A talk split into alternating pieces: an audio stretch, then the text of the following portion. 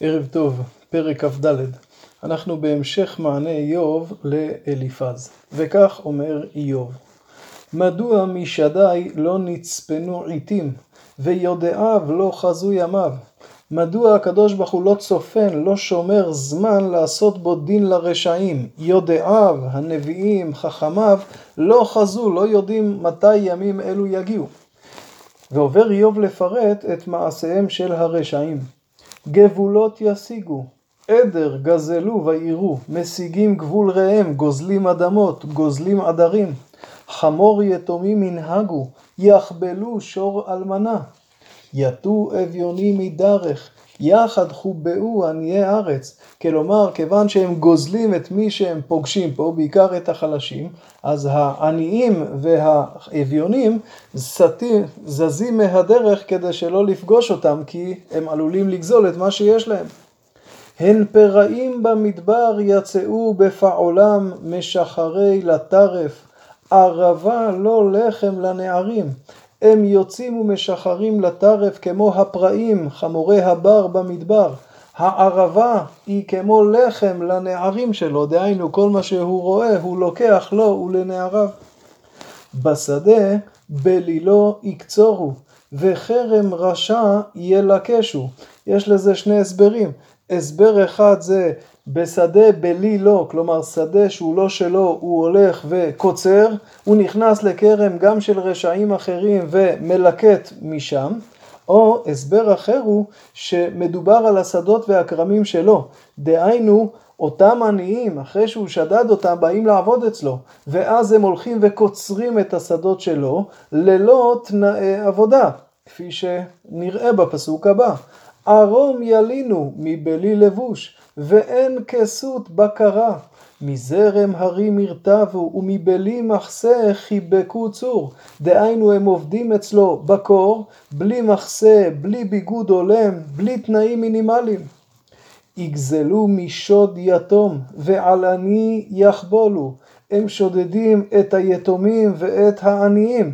ואז שוב הם באים לעבוד אצלם כדי להתפרנס ומה היחס שהם מקבלים? ערום הילכו בלי לבוש ורעבים נשאו עומר בין שורותם יצהירו, יקבים דרכו ויצמאו. יש פה יקב, יש פה יצהר, שמן ויש פה עומר, דהיינו דגן, תירוש ויצהר. אותם אומללים עובדים אצל הרשעים, בלי לבוש, בלי מאכל, בלי שתייה, זו ממש עבדות. מעיר מתים ינעקו, ונפש חללים תשבע, ואלוה לא ישים תפלה.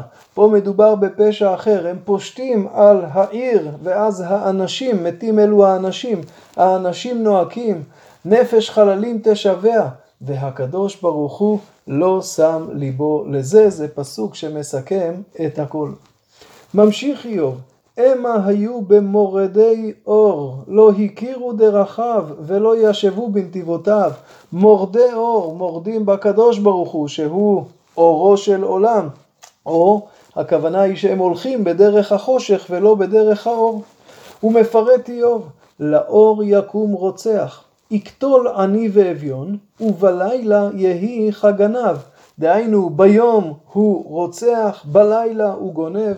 ואין נואף שמרה נשף לאמור לא תשורני עין, וסתר פנים ישים. עבירה שלישית, הנואף. נשף זהו הערב, הוא מחכה ללילה כדי לחתום מבלי שמישהו יראה אותו. חתר בחושך בתים, יומם חיתמו למו, לא ידעו אור. בלילה הוא פורץ, הוא חותר לבתים אחרים, וביום הוא חותם את הבתים שלו כדי שלא ימצאו אותו. כי יחדיו בוקר למו צלמוות, כי יכיר בלהות צלמוות.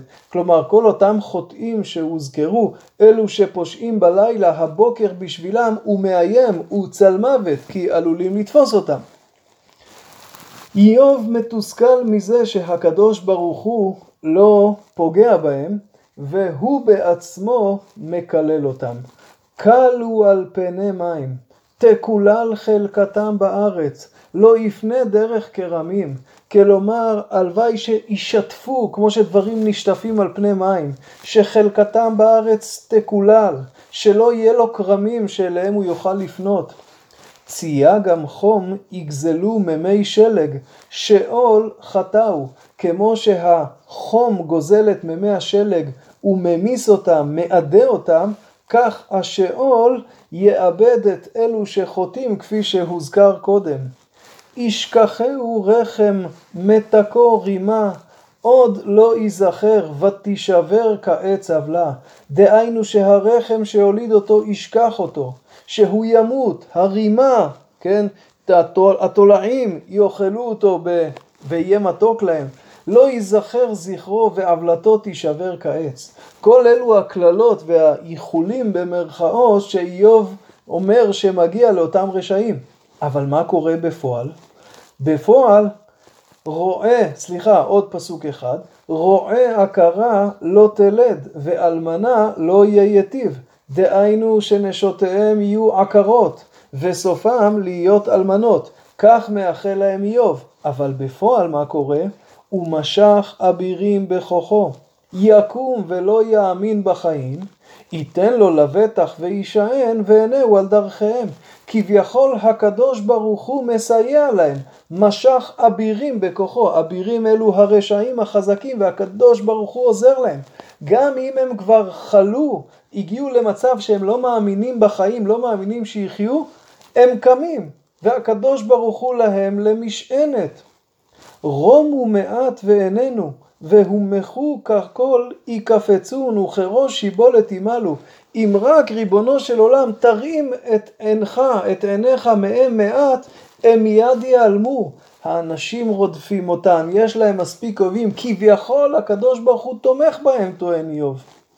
מסיים איוב את דבריו, ואם לא אפוא, מי יחזיבני, וישם לעל מילתי. איוב מלא בביטחון. איוב פורס בפרק הזה שורה שלמה של רשעים מסוגים שונים שמצליחים, שעושים את דרישתם ואין פוצה פה ומצפצף כנגדם. לא די בכך שהקדוש ברוך הוא לא פוקד עליהם את חטאיהם, אלא זה נראה כאילו הוא תומך בהם. איוב מסיים את דבריו בביטחון גדול כנגד רעיו שטענו שרשע וטוב לו, הוא מסיים ואומר, אם זה לא כמו שאמרתי, קדימה, קומו, אמרו, מי יחזיבני וישם לעל מילתי? וכלשון הכתוב, אף אחד לא קם. איוב עומד בביטחון מאוד מאוד גדול כנגד רעיו. במענה הזה, איוב לא משיב לאליפז לטענות האישיות כלפיו. אליפז פירט את החטאים שלדעתו איוב חטא. איוב בכלל לא מתייחס לזה, הוא עוד יתייחס לזה בהמשך. אבל הוא דוחה דברי אליפז בצורה אחרת. הרי הסיבה לכך שאליפז מאשים אותו בכל החטאים היא העובדה שהוא כל כך מתייסר. עצם זה שהוא מתייסר זה ראיה לכך שהוא חטא. אומר לו איוב, תראה כמה רשעים יש, אני פורט לך רשע אחרי רשע, ותראה כיצד הם מצליחים, תראה כיצד הם מטילים את אימתם על הבריות. אז בחטאים שאתה מאשים אותי, הם חוטאים פי כמה וכמה, ובכל זאת, טוב להם. אז אל תביא ראייה מייסוריי לכך שאני חטאתי, כי עובדה שהעולם לא מתנהל כך. ערב טוב.